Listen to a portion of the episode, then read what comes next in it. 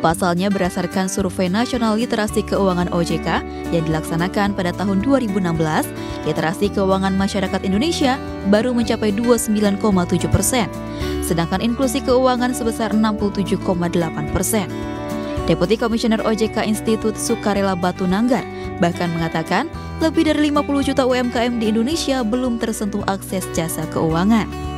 Kehadiran layanan teknologi finansial atau fintech diharapkan menjadi salah satu solusi untuk mendorong inklusi keuangan yang dicanangkan OJK sebesar 75% di tahun 2019.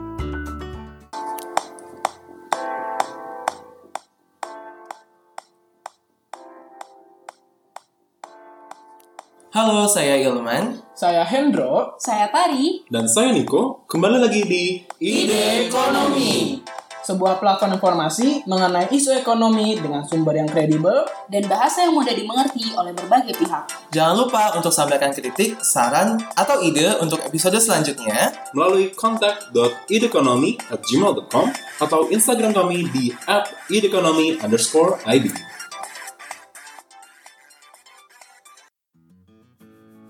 Halo semua, bersama saya Niko di episode 3 Ide Ekonomi. Masih di dalam suasana Hari Kartini, dan saat ini kita sudah bersama dengan salah satu ekonom perempuan ternama Indonesia. Beliau pernah menjabat sebagai Ketua Panitia Seleksi KPK, dan saat ini menjabat sebagai anggota Dewan Komisioner Lembaga Penjamin Simpanan atau LPS. Maka dari itu, tanpa perlu berlama-lama lagi, mari kita sambut Ibu Destri Damayanti. Selamat siang Ibu Destri. Selamat siang Niko. Apa kabar Ibu saat siang ini? Baik, Alhamdulillah. Masih suka hobi naik sepeda Ibu? Sepeda sesekali aja, kadang-kadang sama teman-teman, hari Minggu biasanya. Kita Minggu. punya uh, grup namanya Zero Sixers. Apa itu Bu, Zero Sixers? Zero Sixers itu sebenarnya ngambil dari FPUI, kan 06 kan? kan FPUI kan oh, iya. 06, jadinya ya udah kita pakai Zero Sixers, jadi uh, ya memang kebetulan kita semua ini adalah alum yang masuk di situ alumni FPUI angkatannya dari tahun 2000-an sampai angkatan tahun 70-an. Oh, jadi mencakup banyak banyak ya, sekali. Jadi kita komunitas yang sangat bervariasi eh, dari dari itu angkatan yang sam- 70-an dengan 2000-an tapi tetap di dalam komunitas itu kita manggilnya itu sama. Apa? Tante dan Om. Tante dan Om. Jadi mau dia saya angkatan 83 Terus ada juga yang gabung kan banyak tuh angkatan 2000-an perempuan juga cewek. Saya tetap panggilnya tante, dia tante. Ataupun yang angkatan 2000 2014 juga banyak baru lulus, dia gabung. Nah, kita manggilnya Om gitu Komunitasnya inklusif ternyata ya. komunitasnya inklusif. Jadi harus eh, mencakup segala apa namanya segala umur, kemudian juga segala segala macam lah. Kita benar-benar inklusif ngelihat dari udah nggak ngelihat lagi perbedaan angkatan, perbedaan Hmm. gender, perbedaan eh, strata ekonomi dan Hmm. sebagainya. Pokoknya once kita di dalam itu kita bergabung menjadi satu. Baik Ibu, seru sekali nampaknya bisa Iya. bergabung di komunitas tersebut Iya. dan berbicara dengan kapasitas Ibu terkait Mhm. dengan eh, lembaga penjamin simpanan atau LPS. Tentu kita tahu bahwa LPS menjamin setiap tabungan masyarakat yang di bawah 2 miliar rupiah dan Mhm. beberapa syarat atau kondisi atau ketentuan lainnya. Dan hal tersebut sangat terkait dengan produk simpanan Mhm. tentunya. Karena Mhm. namanya saja sudah LPS, penjamin simpanan. Dan eh, ngomong-ngomong mengenai simpanan, simpanan merupakan salah satu indikator utama di dalam inklusi keuangan. Hmm. Dan sebagaimana kita tahu dan terkait dengan cerita Bu Destri mengenai komunitas yang sangat inklusif tadi, kita tahu bahwa inklusi keuangan di Indonesia memiliki tingkat sekitar 67 atau 2 68 persen. Dan sebenarnya menurut Ibu Destri sendiri inklusi keuangan itu apa sih Bu? Dan memangnya seberapa penting kita memiliki inklusi keuangan yang baik? Oke, jadi kalau kita bicara eh, inklusi keuangan tuh sebenarnya gampangnya adalah bagaimana seluruh masyarakat, seluruh bang rakyat Indonesia lah, dia bisa mempunyai akses, akses terhadap sektor keuangan. Akses tuh maksudnya eh, dia bukan hanya bisa untuk mendapatkan kredit ya atau pinjaman dari bank, tapi dia juga bisa mempunyai rekening, mempunyai tabungan itu tadi. Dia boleh bisa nabung ke bank. Nah selama ini tadi Niko udah bilang kan bahwa data terbaru yang mungkin sekitar 67-an persen inklusi keuangan kita. Dan itu kita eh, jauh sekali dibandingkan dengan negara lain. Kayak di Malaysia tuh dia udah 90-an persen lebih kondisi saat ini. Karena di 2017 itu sudah mencapai 81 persen. Itu artinya adalah eh, mereka-mereka jadi eh, kita definisinya gini. Mereka-mereka yang umurnya di atas 15 tahun gitu ya dia udah punya rekening atau belum gitu. Karena kalau umurnya masih di bawah kan mestinya ya itu masih termasuk di orang tua ya. Nah, 15 tahun itu dianggapnya kenapa 15 tahun? Karena tenaga kerja kita kan dimulai dari umur 15 tahun. Jadi artinya mereka ini udah mulai bekerja gitu kan. Nah, jadi kita lihat berapa banyak penduduk Indonesia yang umurnya di atas 15 tahun dan sudah mempunyai rekening. Ternyata data yang terakhir itu yang dirilis oleh OJK itu kan sekitar 67 sampai 68 persen gitu kan. Nah artinya kan masih ada 30 persen lebih mereka yang belum punya rekening gitu. Dan ini juga sebenarnya rekening ini kalau kita ngitungnya benar-benar individu ya. Jadi namanya Niko sendiri, namanya Ilman sendiri dan seterusnya. Itu mungkin angkanya bisa lebih kecil karena kalau angkanya sekarang 67% itu arti uh, bisa kejadian kamu bisa punya dua atau tiga atau empat rekening gitu kan? Sangat mungkin sekali ya. Bu. Uh, itu mungkin sekali di Indonesia ini bisa aja khususnya yang di kota-kota gede. Nah kalau misalnya terjadi seperti itu menjadi uh, jadi gini kalau jadi kalau kita mau melihat benar-benar inklusi keuangan kita memang harus melihat by individu benar nggak mereka itu sudah mempunyai rekening gitu ya karena Indonesia ini kan sangat besar ya kemudian udah berpulau-pulau dan kemudian kita banyak remote area yang tidak terjangkau oleh bank-bank. Dan selama ini kan kalau kita bicara inklusi keuangan memang hanya bank. Orang punya rekening nggak gitu kan? Nah ini kalau di kita bayangkan di Indonesia dengan pulau yang terpencil gitu kan? Terus kalau kita memaksa bank untuk buka cabang di pulau itu itu kan juga agak repot. Iya. Nah ini memang akhirnya menyebabkan di Indonesia ini inklusi keuangan kita tidak akan semudah apa yang terjadi di Malaysia ataupun di Thailand yang mereka lebih merupai apa daerahnya daratan. Jadi ini sebenarnya tantangan buat buat Indonesia ke depan. Ya, tapi nggak berarti bahwa kita nggak ada perkembangan. Karena kalau kita lihat ya, di 2014 itu inklusi keuangan kita baru sekitar 20%. Kemudian data terakhir 2018 naik menjadi 68%. Artinya apa? ada kenaikan yang luar biasa ya. kan. Jadi orang-orang yang tadinya nggak punya rekening di bank sekarang punya rekening. Ya. Nah, terus satu hal juga saya mau highlight begini, Niko. Orang selama ini kalau ngomong inklusi keuangan tuh hanya bicara akses ke kredit. Padahal enggak. Yang lebih penting adalah buat orang itu akses untuk untuk naruh nyimpen uangnya itu gitu. Karena kalau akses kredit, dia rentenir itu banyak di mana-mana.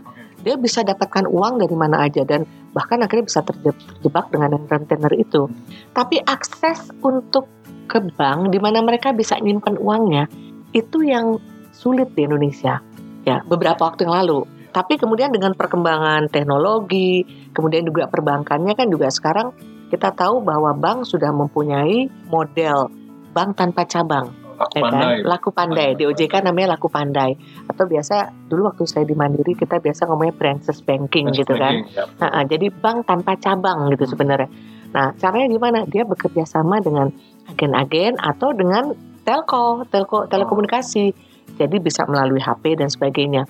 Ini yang menyebabkan kenapa dalam kalau kita lihat empat tahun terakhir ini inklusi keuangan di kita ini meningkatnya pesat sekali karena itu tadi. Jadi ada satu inovasi yang dilakukan oleh perbankan kita dia menggandeng sektor telekomunikasi sehingga akses orang uh, terhadap uh, sektor keuangan juga lebih baik gitu. Karena di Indonesia kan uh, kalau kita lihat hampir semua udah punya telepon kan. Iya, Bu. Nah, jadi itu udah udah suatu hal yang nggak bisa kita hindari dan kita juga lihat kalau penetrasi uh, telekomunikasi di Indonesia jauh lebih tinggi dibandingkan dengan tele, te- apa penetrasi di sektor perbankan gitu gitu. Nah, jadi itu terkait dengan inklusi keuangan. Nah, kenapa itu penting ya dan itu harus ditingkatkan di Indonesia karena kita negara besar ya sekitar 260-an juta penduduknya dan tadi kita saya bilang bahwa penyebarannya itu kan uh, di wilayah Indonesia sangat luas Betul. gitu ya. Dan juga satu fakta bahwa sektor usaha kita itu masih banyak di sektor UMKM, sektor khususnya sektor mikro dan kecil lah ya. Jadi itu sangat dominan sekali. 90% dari sektor usaha kita adalah mikro dan kecil. Dan mereka-mereka kalau kita bicara inklusi keuangan, ini adalah kelompok yang di mikro ini gitu.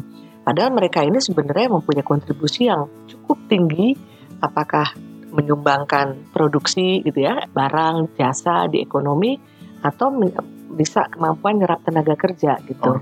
Nah, sekarang kalau mereka ini nggak kita bukakan akses untuk sektor keuangan, apakah dia untuk nabung ataupun dia untuk mendapatkan kredit kan sayang ya gitu. Jadi buat Indonesia kami di LPS sendiri juga sering bekerja sama dengan OJK bagaimana caranya untuk memberikan confident juga kepada masyarakat mau nabung gitu kan. Nah kita banyak tuh melakukan sosialisasi karena banyak masyarakat-masyarakat yang uh, mungkin yang uh, di daerah remote area itu kadang kan juga pertama nggak ngerti di bank, terus mereka taunya wah bank nanti bunganya uang administrasinya tiap bulan di uang saya dipotong gitu Oh. karena kan rekening saya cuma dikit gitu. Iya. Nah ini kan sekarang kayak OJK dia mempunyai rekening khusus kan di Laku Pandai itu yang sampai batas tertentu tidak ada administrasi gitu. Terus juga kadang banyak yang menyatakan, wah nanti banknya tutup, uang saya hilang. Mendingan saya taruh aja di bawah bantal. Nah ini fungsi kami di LPS. Lalu kita menyatakan, Bapak Ibu nggak usah khawatir gitu. Kalau banknya tutup kan ada kita. Uang Bapak Ibu pasti akan dijamin. Kita akan ganti uang Bapak Ibu yang ada di bank itu sepanjang tidak lebih dari 2 miliar dan bunganya juga sesuai dengan bunga yang memang sudah kami tentukan gitu di LPS rate namanya gitu. Tapi intinya LPS itu udah kalau kita lihat dari jumlah rekening yang ada 99% lebih itu udah masuk dalam jaminannya LPS. Nah, jadi eh, kita juga berusaha berfungsi untuk bagaimana meningkatkan inklusi keuangan itu dengan cara memberikan confidence eh, kepercayaan buat para masyarakat untuk mau nabung gitu. Itu mencakup seluruh bank umum termasuk BPR juga kan? Termasuk semuanya, semuanya. Bahkan kalau BPR, jadi LPS rate ini kan sekarang besarnya 7% ya. 7% dengan batasan 2 miliar. Kalau untuk bank BPR, kita tambah lagi 2,5 persen. Oh. Jadi 9,5 persen. Itulah yang dijamin oleh LPS kalau terjadi apa-apa dengan banknya tersebut. Nah kita memang kenapa mesti menerapkan itu tadi ceilingnya bunga? Karena kita juga nggak mau bank itu jor-joran memberikan bunga tinggi, karena nanti impactnya kan biaya bunga dia mahal sehingga nanti dia bunga kreditnya jadi tinggi kan? Oh iya betul. Nah itu kan jadi nggak bagus gitu buat buat apa namanya buat aktivitas bisnis untuk mendukung aktivitas bisnis kan nggak. Jadi itu yang kita harapkan makanya bunga itu juga bank-bank juga harus harus rasional gitu dalam memberikan bunganya gitu. Itu mungkin untuk menjaga juga karena mereka tahu nih Ya. dijamin oleh LPS maka digedein aja Nah ya itu itu kan menjadi moral hazard Moral ya. hazard. Nah jadi kita nggak mau yang seperti itu gitu.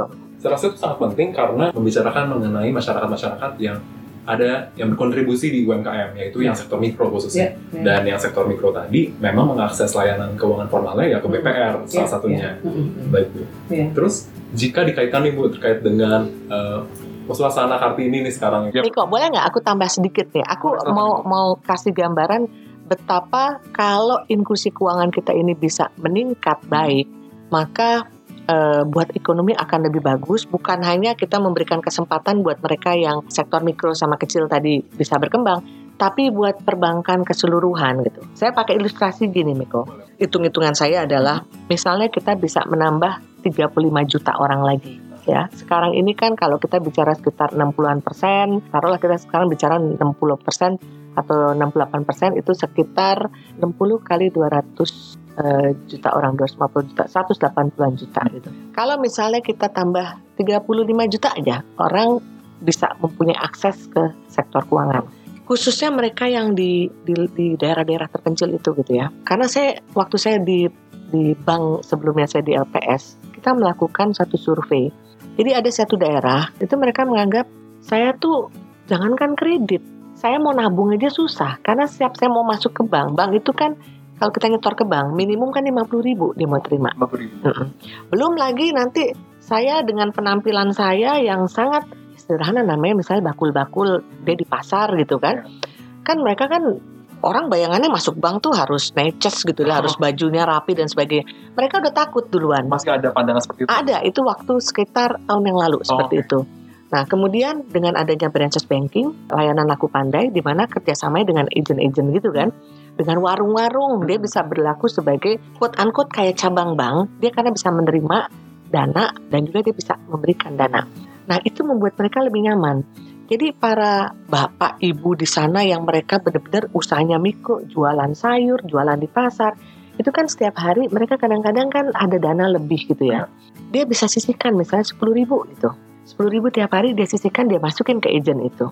Taruhlah seminggu dia bisa naruh 50 ribu gitu. Gue 50 ribu. satu orang 50 ribu ya 50 ribu Karena itu dia nabung 10 ribu, 10 ribu gitu kan. 50 ribu, kalau kita hitung, itu dalam sebulan, kan udah ada 200 ribu nih satu orang. Dalam satu tahun, ada sekitar 12 kayak 200 ribu, 2,4 juta. Ya, satu orang gitu. Atau kita mau downgrade 2 jutaan deh gitu ya. Satu tahun tuh dari satu orang itu 2 juta dengan dia cuma nabung. Sebenarnya kan nggak terasa di bawah 10 ribu tuh kalau kita hitung 2 juta kan.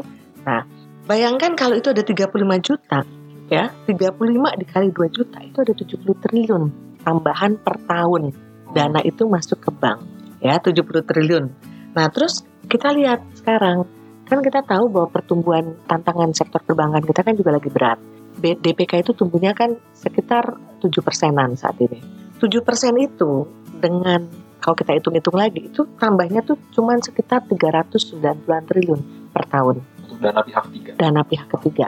Jadi yang tabungan, deposito, giro itu cuma sekitar 390 triliun per tahun ya per tahun dengan tumbuh 7 persen. Bayangkan kalau ada yang tadi inklusi keuangan itu terus kita kita genjot, ada tambahan 70 triliun dari yang 390 triliun itu kan bayangin 70 triliun terhadap 390 triliun itu udah hampir 20 persen sendiri. Jadi akan ada kenaikan dana di perbankan juga sekitar 20% tambahan, hampir 20%. Jadi ini kan buat buat ekonomi kita juga lebih baik, buat masyarakat yang eh, di bawah juga lebih baik. Jadi memang inklusi keuangan itu adalah menjadi suatu keharusan yang harus menjadi perhatian pemerintah ke depan untuk bagaimana kita bisa meningkatkan bukan hanya kesejahteraan masyarakat yang secara merata, secara inklusif ya, tapi juga untuk meningkatkan uh, sumber pembiayaan buat pembangunan kita ke depan. Kredit. Bisa juga, iya, uh, uh, kredit juga gitu kan. Nah, jadi jadi itu sebenarnya dan juga ya masyarakat dengan dia bisa lebih uh, menabung kan dia juga bisa lebih uh, disiplin gitu kan. Akhirnya dia bisa lebih better, lebih lebih bagus, lebih better off karena ya dia bisa membeli dia bisa menabung untuk tujuan yang lebih produktif lah ke depannya gitu. Oh, jadi eh, inklusi keuangan ini sangat penting tidak hanya di sektor moneter, perbankan-perbankan, tetapi juga penting untuk sektor real karena dengan meningkatnya dana pihak ketiga tadi atau DPK itu pun bisa jadi peningkatan di, untuk saluran kredit bagi masyarakat Iya, sehingga seperti yang tadi Ibu sampaikan meningkatkan eh, lapangan pekerjaan dan bisa lebih baik lagi untuk eh, bisnis dari usaha mikro, kecil dan menengah tadi Ibu. Yes, ya betul betul Niko. Dan tetapi uh, membicarakan mengenai inklusi keuangan, Mm-mm. terdapat satu isu yang menurut saya cukup challenging nih Bu, cukup Mm. menantang. Di mana ada yang bilang, wah kalau misalnya ada agen aku pandai nih di daerah- Mm. daerah-daerah, katakanlah uang-uang dari daerah yang terpencil tadi dimas mengalir ke agen aku pandai, lalu masuk ke bank yang ada di Jakarta, di Jakarta katakanlah Mm. sebagai ibu kota negara, dan kemudian tapi kreditnya itu tidak tersalurkan kembali ke daerah tersebut Bu. Jadi ada yang bilang orang seperti uang inklusi keuangan itu seperti menarik uang, tapi uangnya tidak kembali ke sana. Bagaimana ibu menanggapi isu seperti ini, bu? Gini, sebenarnya itu karena memang pembangunan di kita ini kan masih banyak terpusat di kota-kota besar ya, khususnya di Pulau Jawa gitu. Itu satu hal yang memang nggak bisa kita pungkirin karena memang segala macam semua resources, segala macam orang-orangnya, kemudian juga faktor-faktor penunjangnya, infrastrukturnya, kantornya, segala macam adanya di kota besar, khususnya di Jawa. Nah inilah memang yang sebenarnya oleh pemerintah berusaha untuk digeser ke depannya. Jadi bagaimana terjadi realokasi lagi, bangunlah misalnya kalau kita bicara bank, cabang-cabang baru di luar Jakarta, kemudian dibangunlah kantor baru. Tapi ini semua kan memang harus dimulai dari basicnya. Basicnya apa? Infrastruktur. Infrastrukturnya bagus nggak di daerah? Orang misalnya udah bikin misalnya kantor besar gitu, terus orang-orang pinter udah kita kirim ke suatu daerah, taruhlah di Kalimantan Tengah misalnya begitu kan, kita udah berharap bisa dikembangkan di sana. Tapi ternyata infrastruktur di sana tidak mendukung akses dari airportnya ke lokasinya nggak bagus, kemudian energinya, sektor energinya juga tidak ada, eh, sehingga tidak ada listrik dan sebagainya. Jadi jadi ini yang sebenarnya kalau saya lihat empat tahun terakhir ini memang sedang diarahkan oleh pemerintah bagaimana supaya pembangunan ini juga bisa menyebar. Nah kalau kita lihat juga data tentang pertumbuhan ekonomi, ini juga sekarang penyebarannya juga sudah baik gitu loh. Jadi Bu- per- Pertumbuhan yang tinggi tidak hanya terjadi di Jawa, tapi ada di beberapa daerah yang mempunyai potensi yang lain sepertinya untuk turisme ya di daerah di Bali tentunya. Kemudian untuk perkebunan yang bukan hard commodity kayak batu bara, eh, mereka kan juga kayak di Sulawesi Selatan itu juga tumbuhnya bagus, di beberapa di Sumatera juga. Jadi artinya sumber-sumber pertumbuhan itu harus harus bisa disebarkan. Jadi jangan cuma terkonsentrasi di pusat. Nah, terkait dengan dana yang tadi, dana itu memang karena head office-nya kan ada di di pusat ya, dalam hal ini di Jakarta. Tentunya mereka secara reporting masuklah dia ke Jakarta. Tapi sebenarnya dana itu nggak ada masalah bisa disalurkan kembali ke daerah tempat asal sepanjang memang di sana itu ada proyek yang yang memang menarik untuk dibiayai. Dan sekarang kalau kita lihat, kalau kita bicara sama bank-bank, arah pembiayaan bank-bank itu banyak ke sektor retail. Jadi dalam kondisi apalagi di Indonesia ini kan sekarang kita kan sekarang udah mulai masuk ke kelompok masyarakat berpendapatan menengah ya. Terus juga sekarang kita lihat bisnis-bisnis di daerah-daerah itu juga sudah mulai banyak yang tumbuh apalagi dengan adanya digital ekonomi itu kan banyak sekali menyasar usaha-usaha mikro dan usaha-usaha rumah tangga gitu kan. Nah, itu kan adanya semua tersebar, nggak hanya ada di di, di wilayah kota-kota gede gitu ya. Bahkan usaha-usaha gitu banyaknya memang lebih di daerah-daerah yang lebih di dalam gitu. Ya, jadi tentunya ini menjadi suatu apa, suatu peluang yang bagus buat bank dalam rangka untuk meningkatkan penyaluran kreditnya di sektor retail gitu. Jadi uh, jadi buat buat saya memang tugas pemerintah untuk melakukan pemerataan pembangunan di mana ini juga kalau kita lihat sekarang memang pemerintah nggak terlalu apa ya ambisi hanya untuk growth tidak. Tapi kita kalau saya lihat lebih memperhatikan pemerataannya. Jadi inklusif growth-nya diperhatikan oleh pemerintah. Makanya banyak sekali ada beberapa program terkait dengan yang terkait dengan pemberdayaan masyarakat ya dilakukan oleh pemerintah. Apakah untuk kesehatannya untuk pendidikannya dan untuk usahanya kayak kur kan ada uh, kredit usaha rakyat dengan bunga hanya 7% dan juga targetnya kan makin lama makin tinggi ya di mana 2019 ini 140 triliun 140 triliun. Itu. Belum lagi upaya-upaya yang dilakukan oleh teman-teman di OJK dengan bank wakaf gitu kan. Memang itu arahnya memang segmen ya. Segmennya memang segmen untuk segmen mikro ya. Namanya saja bank wakaf mikro ya. Iya, bank wakaf mikro. Dan tambahan lagi sih sebenarnya adanya fintech. Itu juga sebenarnya fintech tuh kita jangan menganggap sebagai lawan dari atau sebagai apa ya, kompetitor dari bank, tapi justru itu harus di, di ini apa? dianggap sebagai suatu teman. Bagaimana sinergi bisa terjadi antara bank dengan fintech dengan teknologinya kita pakai sehingga ya ini, kita lihat aja sekarang payment system sangat mudah sekali termasuk orang-orang yang apa ya yang yang mereka tadi nggak nggak biasa melakukan pembayaran dengan dengan melalui uh, gadget misalnya sekarang kan mereka gampang aja ya mau beli apa-apa dia dengan teknologi dengan gadgetnya mau beli makanan bisa mau beli baju mau beli nah itu segala macam dan very simple sangat mudah sehingga bahkan ya orang-orang di di daerah-daerah sana mungkin saya rasa juga akan mudah gitu menggunakan Kembali lagi ke membicarakan mengenai yang ada di daerah, Iya. berarti peningkatan inklusi keuangan memang tidak hanya mengejar pertumbuhan ekonomi, tetapi juga pembangunan ekonomi ya. Yes. Baik.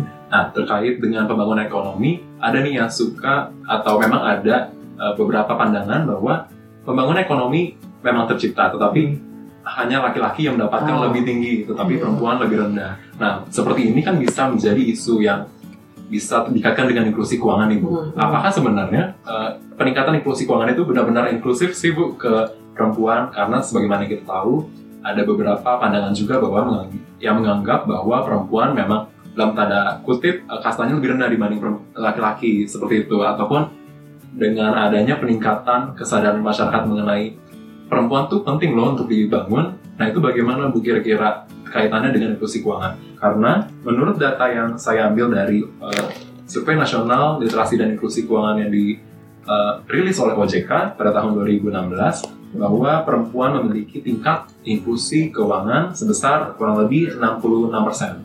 Sementara untuk laki-lakinya 69%. Memang tidak terlalu jauh ya, tapi ada gap di sana. Jika kita melihat lagi tingkat inklusi keuangan di kalangan ibu rumah tangga saja itu lebih rendah lagi bu, tingkat eh, 61% kurang lebih seperti itu. Nah kira-kira apakah inklusi keuangan ini memang benar-benar inklusif sih bu? untuk seluruh masyarakat? Saya rasa sih sebenarnya ya ini ya masalah gender ini kan menjadi sangat sensitif ya kalau di di kita ya kalau kita bicara itu. Tapi suatu kenyataan loh bahwa sebenarnya perempuan tuh lebih disiplin dibanding laki-laki Lebih ya. disiplin. Tadi ya. Oh, ya, tadi dibilang apa? Tadi kamu bilang perempuan kenapa gitu? Apa tadi? Lebih rendah. Eh, Iya dipandang lebih rendah kayaknya. Aku bilang wah aku marah banget tuh gitu. Lebih disiplin. Lebih disiplin. Iya lebih disiplin dalam mengelola uangnya gitu.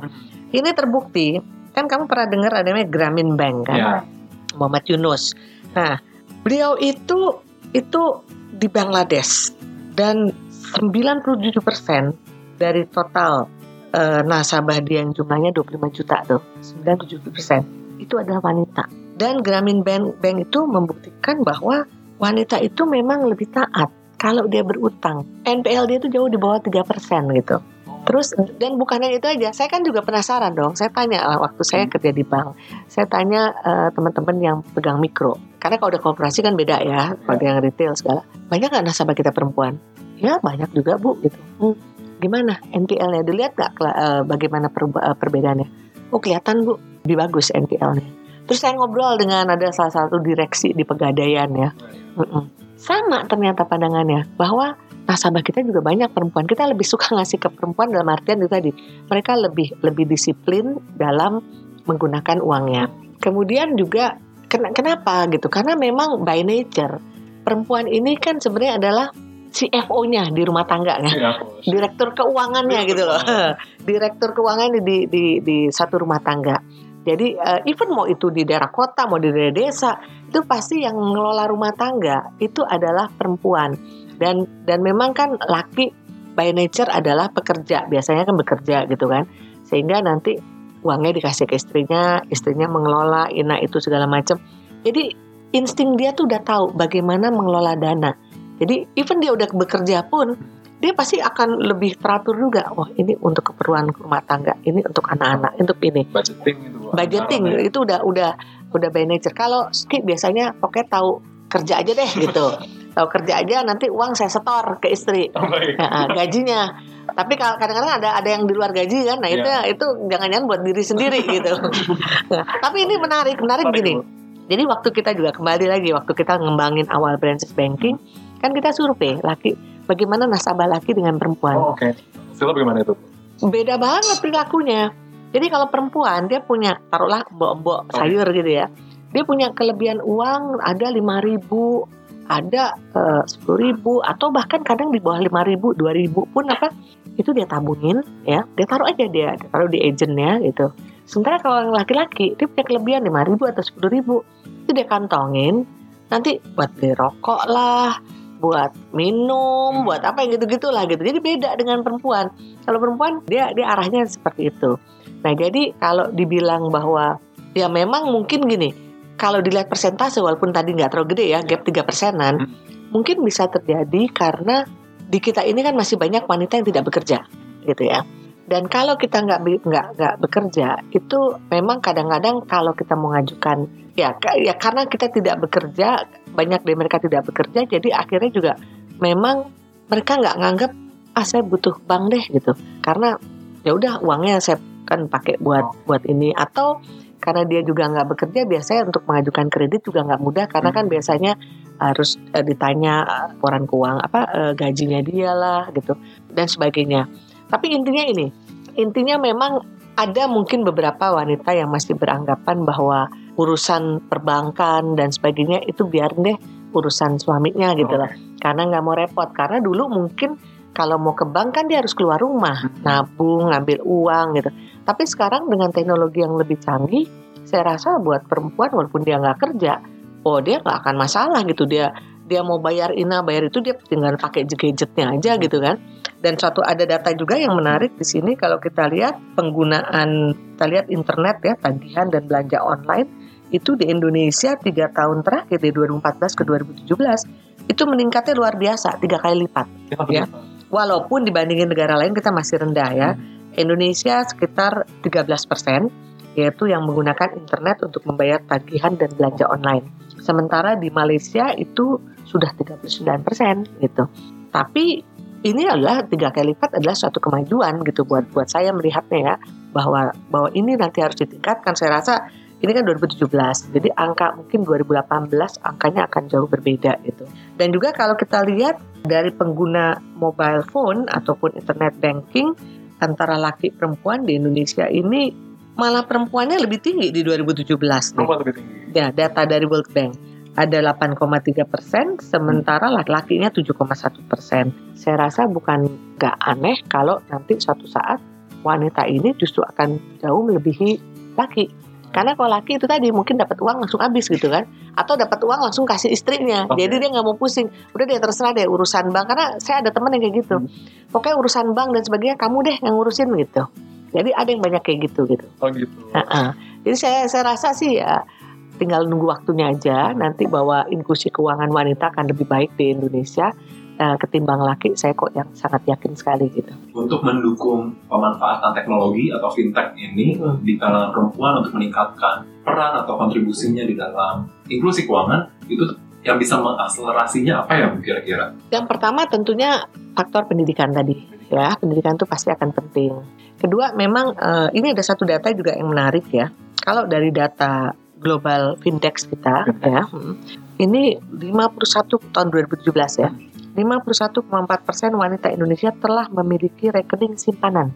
Namun baru 16,8 persen yang memiliki rekening kredit Timpang sekali. Bu. timpang sekali. Kenapa? Karena itu tadi, memang kita harus akuin kan banyak wanita juga yang nggak bekerja. Jadi kalau untuk punya rekening simpanan sih bisa aja gitu kan. Karena kan nggak di- ditanya Anda bekerja atau enggak gitu. Iya. Maksudnya syaratnya bahwa untuk naruh buka rekening harus kerja kan nggak Hmm. juga kan gitu.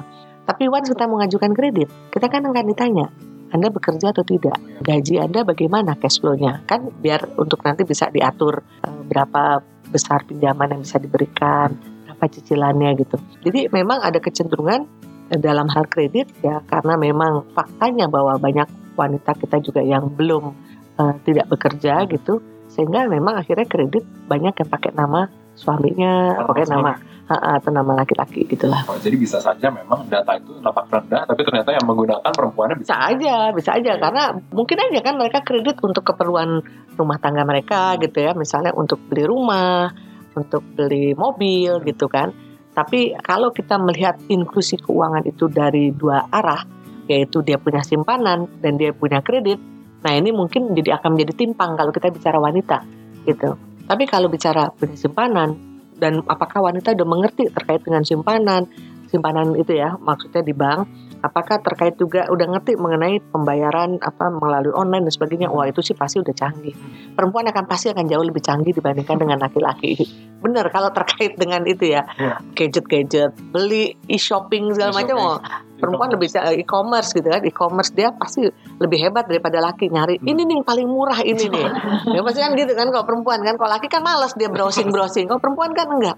Ya soalnya saya juga mengalami ya. Jadi di LPS ini eh, kan saya juga minta teman-teman hmm, dalam rangka untuk sosialisasi sektor keuangan dan tentunya LPS keberadaan LPS itu lebih jauh lagi saya minta mereka itu eh, kalian harus sosialisasi masuk ke kota-kota yang udah tier eh, apa tier eh, tiga gitu. Jadi bukan kota besar. Oke. kalau kota besar semua udah relatif tahu lah ya. Hmm, jadi kalau ya kamu sosialisasi di Surabaya di Jakarta di Medan percuma relatif mereka udah tahu.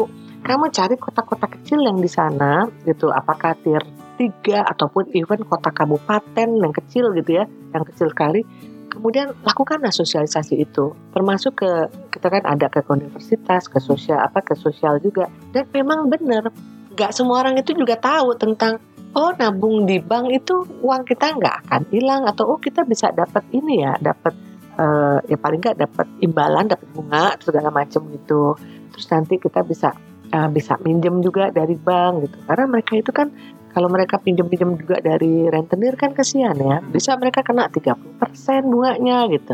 Nah sekarang dengan program kayak kurnya pemerintah itu kan ya 140 triliun buat mereka-mereka ini kan luar biasa tuh jangkauannya. Karena masyarakat di bawah itu kan paling berapa sih mereka kebutuhannya kan?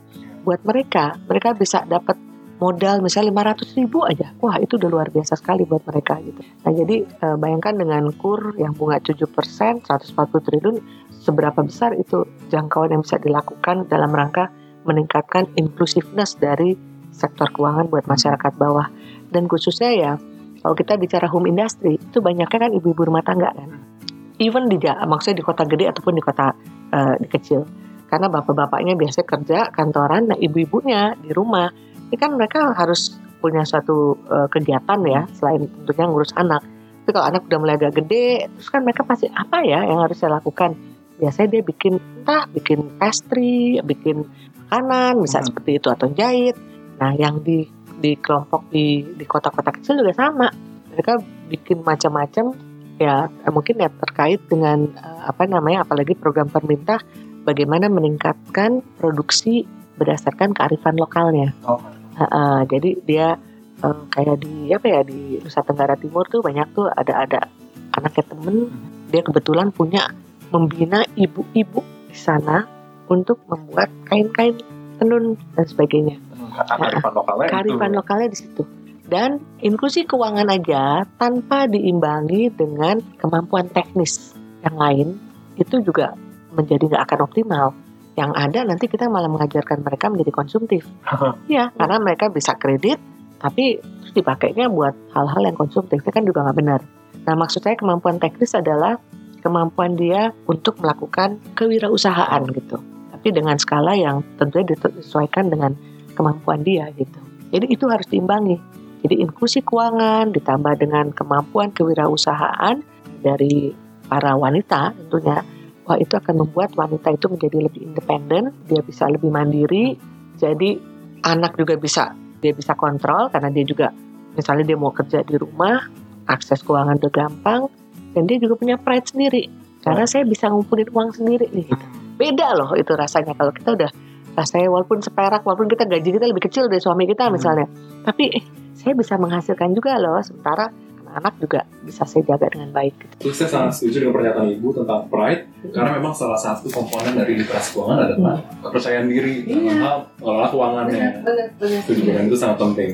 Tapi membicarakan tentang peran LPS di dalam meningkatkan inklusi keuangan. Iya. Salah satunya kan tadi untuk meningkatkan confidence atau Hmm. kepercayaan diri masyarakat terkait dengan penggunaan uh, sektor layanan jasa keuangan, Hmm. khususnya perbankan ya, Iya. bukan LPS.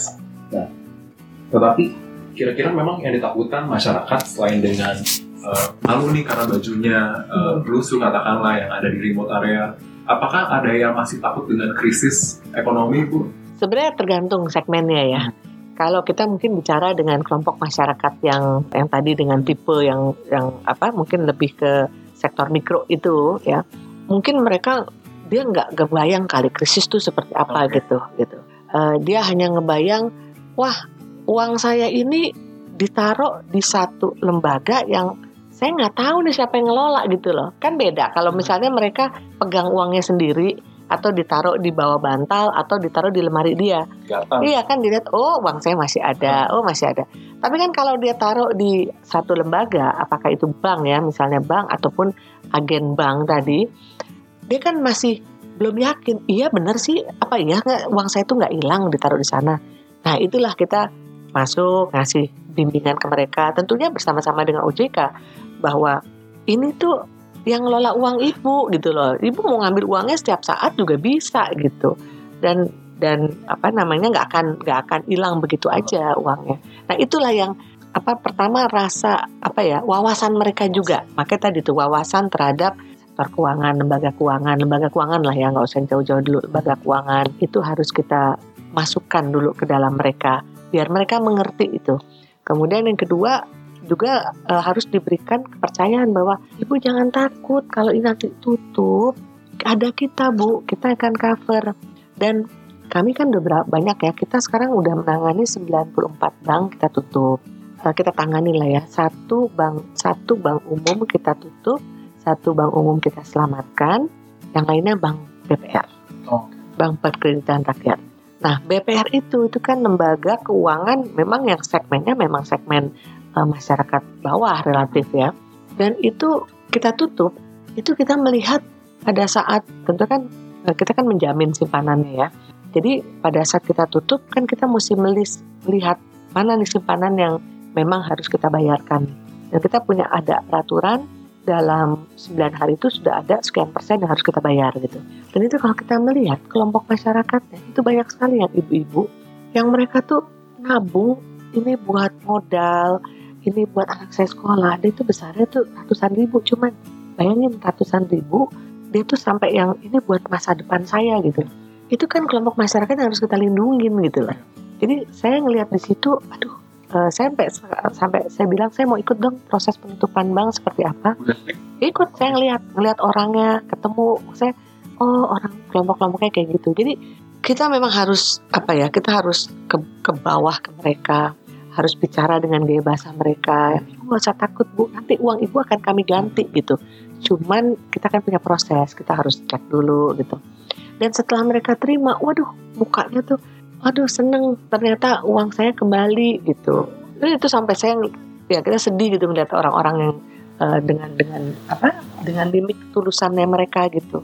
Itu. Jadi memang itulah tugas kami di LPS bahwa kita terus harus memberikan kepercayaan ke mereka bahwa mungkin nggak ngomong krisis karena mereka nggak ngerti krisis tapi kita cuma ngomong ibu nggak usah takut uang ibu dan bapak ada tetap di bank ini dan ada dijamin oleh pemerintah gitu. Hmm, ternyata bekerja di LPS itu touching hearts juga. Oh banget, ya. banget. Saya nggak mengira sejauh itu. Oh banget. Uh, itu ya belum kalau kita bicara ya kebanyakan itu kan masalah yang dihadapin kita tuh fraud. Fraud. Ya. Fraud dilakukan oleh uh, pemilik bank kecil hmm. bank BPR itu hmm. ataupun oleh ya ataupun oleh um, manajemennya, direksinya tersebut. Jadi caranya macam-macam. Jadi kayak misalnya kan kadang-kadang kalau udah suasana di daerah-daerah kecil gitu, hubungan kita udah suka lebih kepercayaan ya. Kayak aku tahu Niko, oh Niko kerja di di ini loh ini lembaga bagus nih keuangan, misalnya BPRA gitu. Terus kita percaya aja udah, ya udah kita bayar kan ditawarin sini taruh dengan dana taruh berapa ratus ribu, lima ratus ribu atau berapa gitu. Terus dia ya ditabung ya gitu Terus kasihlah misalnya, oh ya nih bu pegangannya, sertifikat deposit. Tapi ternyata terus uangnya nggak di ke bank. Terus ternyata sertifikat depositnya palsu. Nah ini orang-orang ini kan nggak ngerti gitu kan. Belum nanti dimingin, bu dapat bunganya tinggi loh bu gitu. Padahal ya terus habis itu kita tahu kondisinya seperti apa.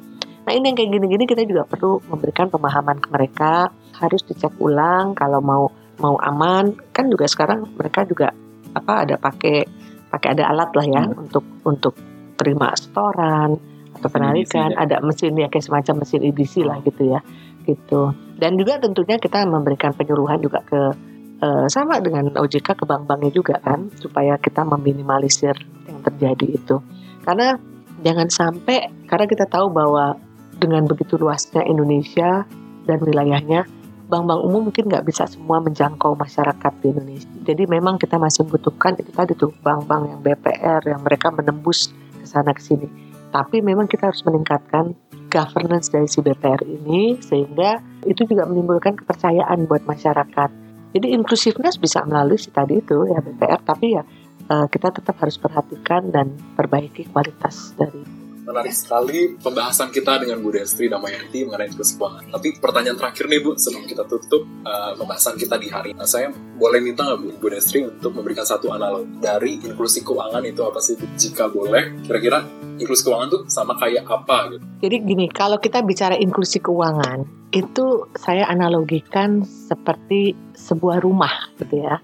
Sebuah rumah di mana kalau kita lihat dari luar itu memang sudah wah udah ideal ideal. Bagus sekali rumah ini. Tapi kemudian kita masuk ke dalam karena kita bicara inklusi kan. Inklusi itu kita harus masuk melihat ke dalam. Dan pada saat kita melihat ke dalam, kita melihat itu ada bagian-bagian yang tidak ditangani dengan baik. Jadi misalnya dindingnya itu ternyata semennya nggak rata misalnya begitu ya ibaratnya kayak gitulah ya Kemudian kita lihat di kamar mandinya kok ini masih uh, apa masih sangat uh, jorok gitu tidak disiapkan keran khusus untuk pembersih dan sebagainya. Kemudian juga mungkin kita lihat lagi ini kok nggak ada ruang buat uh, apa uh, tembok semua, jendelanya kurang di belakang misalnya. Buat saya ini menjadi inclusiveness ya dari rumah itu. Sorry, jadi artinya tuh sederhananya adalah kualitas dari rumah ini ini menjadi tidak sempurna dan rapuh. Karena sebenarnya ada hal-hal yang perlu diperkuat tadi detail tadi yang dia menjadi inklusi tapi tidak dilakukan sehingga kalau terjadi apa-apa ini akan gampang goyah. Nah, sama dengan inklusi keuangan, kalau kita bicara, kita melihat besaran yang besar saja, wah kredit tumbuh 12%, dana tumbuh misalnya 10%, ekonomi kita kuat, bagus. Tapi pada saat kita melihat inklusinya, wah ternyata yang tumbuhnya sekian ini hanya berasal dari orang-orang kelompok tertentu yang pendapatannya tinggi ya. Sementara kalau kita lihat yang kelompoknya kecil, udah jumlah rekeningnya nggak banyak, dan dia pun juga tabungannya bahkan malah makin mengecil. Nah ini mengakibatkan jadi sektor perbankan itu seolah-olah kuat padahal enggak. Karena kalau ada apa-apa nih dana gede kabur, ambruk sektor kita bisa bisa berbahaya gitu loh maksudnya. Jadi bisa tidak stabil. Sama dengan kayak tadi rumah. Jadi rumah dari luar kayaknya kokoh, tapi pada saat di dalam kita lihat, oh ternyata ini pilar-pilarnya ini miring-miring, kemudian juga apa uh, semennya nggak komplit, apa nggak nggak padat. Jadi kalau ada apa-apa dia akan gampang rubuh. Jadi ibaratnya mungkin itu kalau saya analogikan inklusi keuangan bagaimana kita mencapai kalau dalam hal kita bicara keuangan ya bagaimana kita mencapai perkembangan di sektor keuangan kita ini secara inklusif, merata karena ini tentunya akan baik buat sektor keuangan itu sendiri biar dia juga menjadi kokoh Selain itu juga menjadi lebih sehat masyarakatnya. Rumah kan juga gitu. Kalau dia tertata bagus, jendela udaranya cukup, kamar mandinya rapi dan segalanya bagus, kita yang hidup di situ juga menjadi lebih nyaman dan menjadi lebih lebih kuat lah, lebih sehat. Mungkin itu yang bisa saya sampaikan ya. Salah paham Ibu. Terima kasih Bu, analoginya sangat bagus. Izin Bu saya pinjam kalau misalnya suatu saat saya membicarakan tentang inklusi. Boleh, silakan, silakan. Analogi tentunya dengan mengutip Ibu Destri Damayanti. Iya, silakan, silakan. Dan analogi tersebut merupakan uh, bagian terakhir dari sesi episode 3 kita Ekonomi mengenai inklusi keuangan dan kaitannya dengan perempuan. Dan ingin saya sampaikan beberapa hal jika boleh uh, Ibu uh, untuk memberi kesimpulan sedikit bahwa sebenarnya inklusi keuangan itu adalah bagaimana kita membicarakan mengenai akses keuangan, akses kepada layanan jasa keuangan formal untuk eh, kepada masyarakat untuk dapat meningkatkan kesejahteraan masyarakat itu sendiri. Dan di mana uh, kita tidak hanya membicarakan inklusi keuangan yang bertujuan untuk meningkatkan pertumbuhan ekonomi saja tetapi juga dapat menciptakan pembangunan ekonomi yang sesungguhnya tidak hanya fokus kepada pembangunan ekonomi kepada hanya laki-laki tetapi juga kepada perempuan. Karena memang itu adalah ide mendasar dari inklusi keuangan itu inklusif kepada semua. Baik ibu dan untuk menutup episode ketiga kita kali ini uh, mari kita sama-sama menyebut slogan yang tadi ibu uh, sudah saya sampaikan. Jika saya menyebut ide ekonomi sama-sama kita katakan bridging knowledge. Baik ibu. Jika saya sebut ide ekonomi bridging knowledge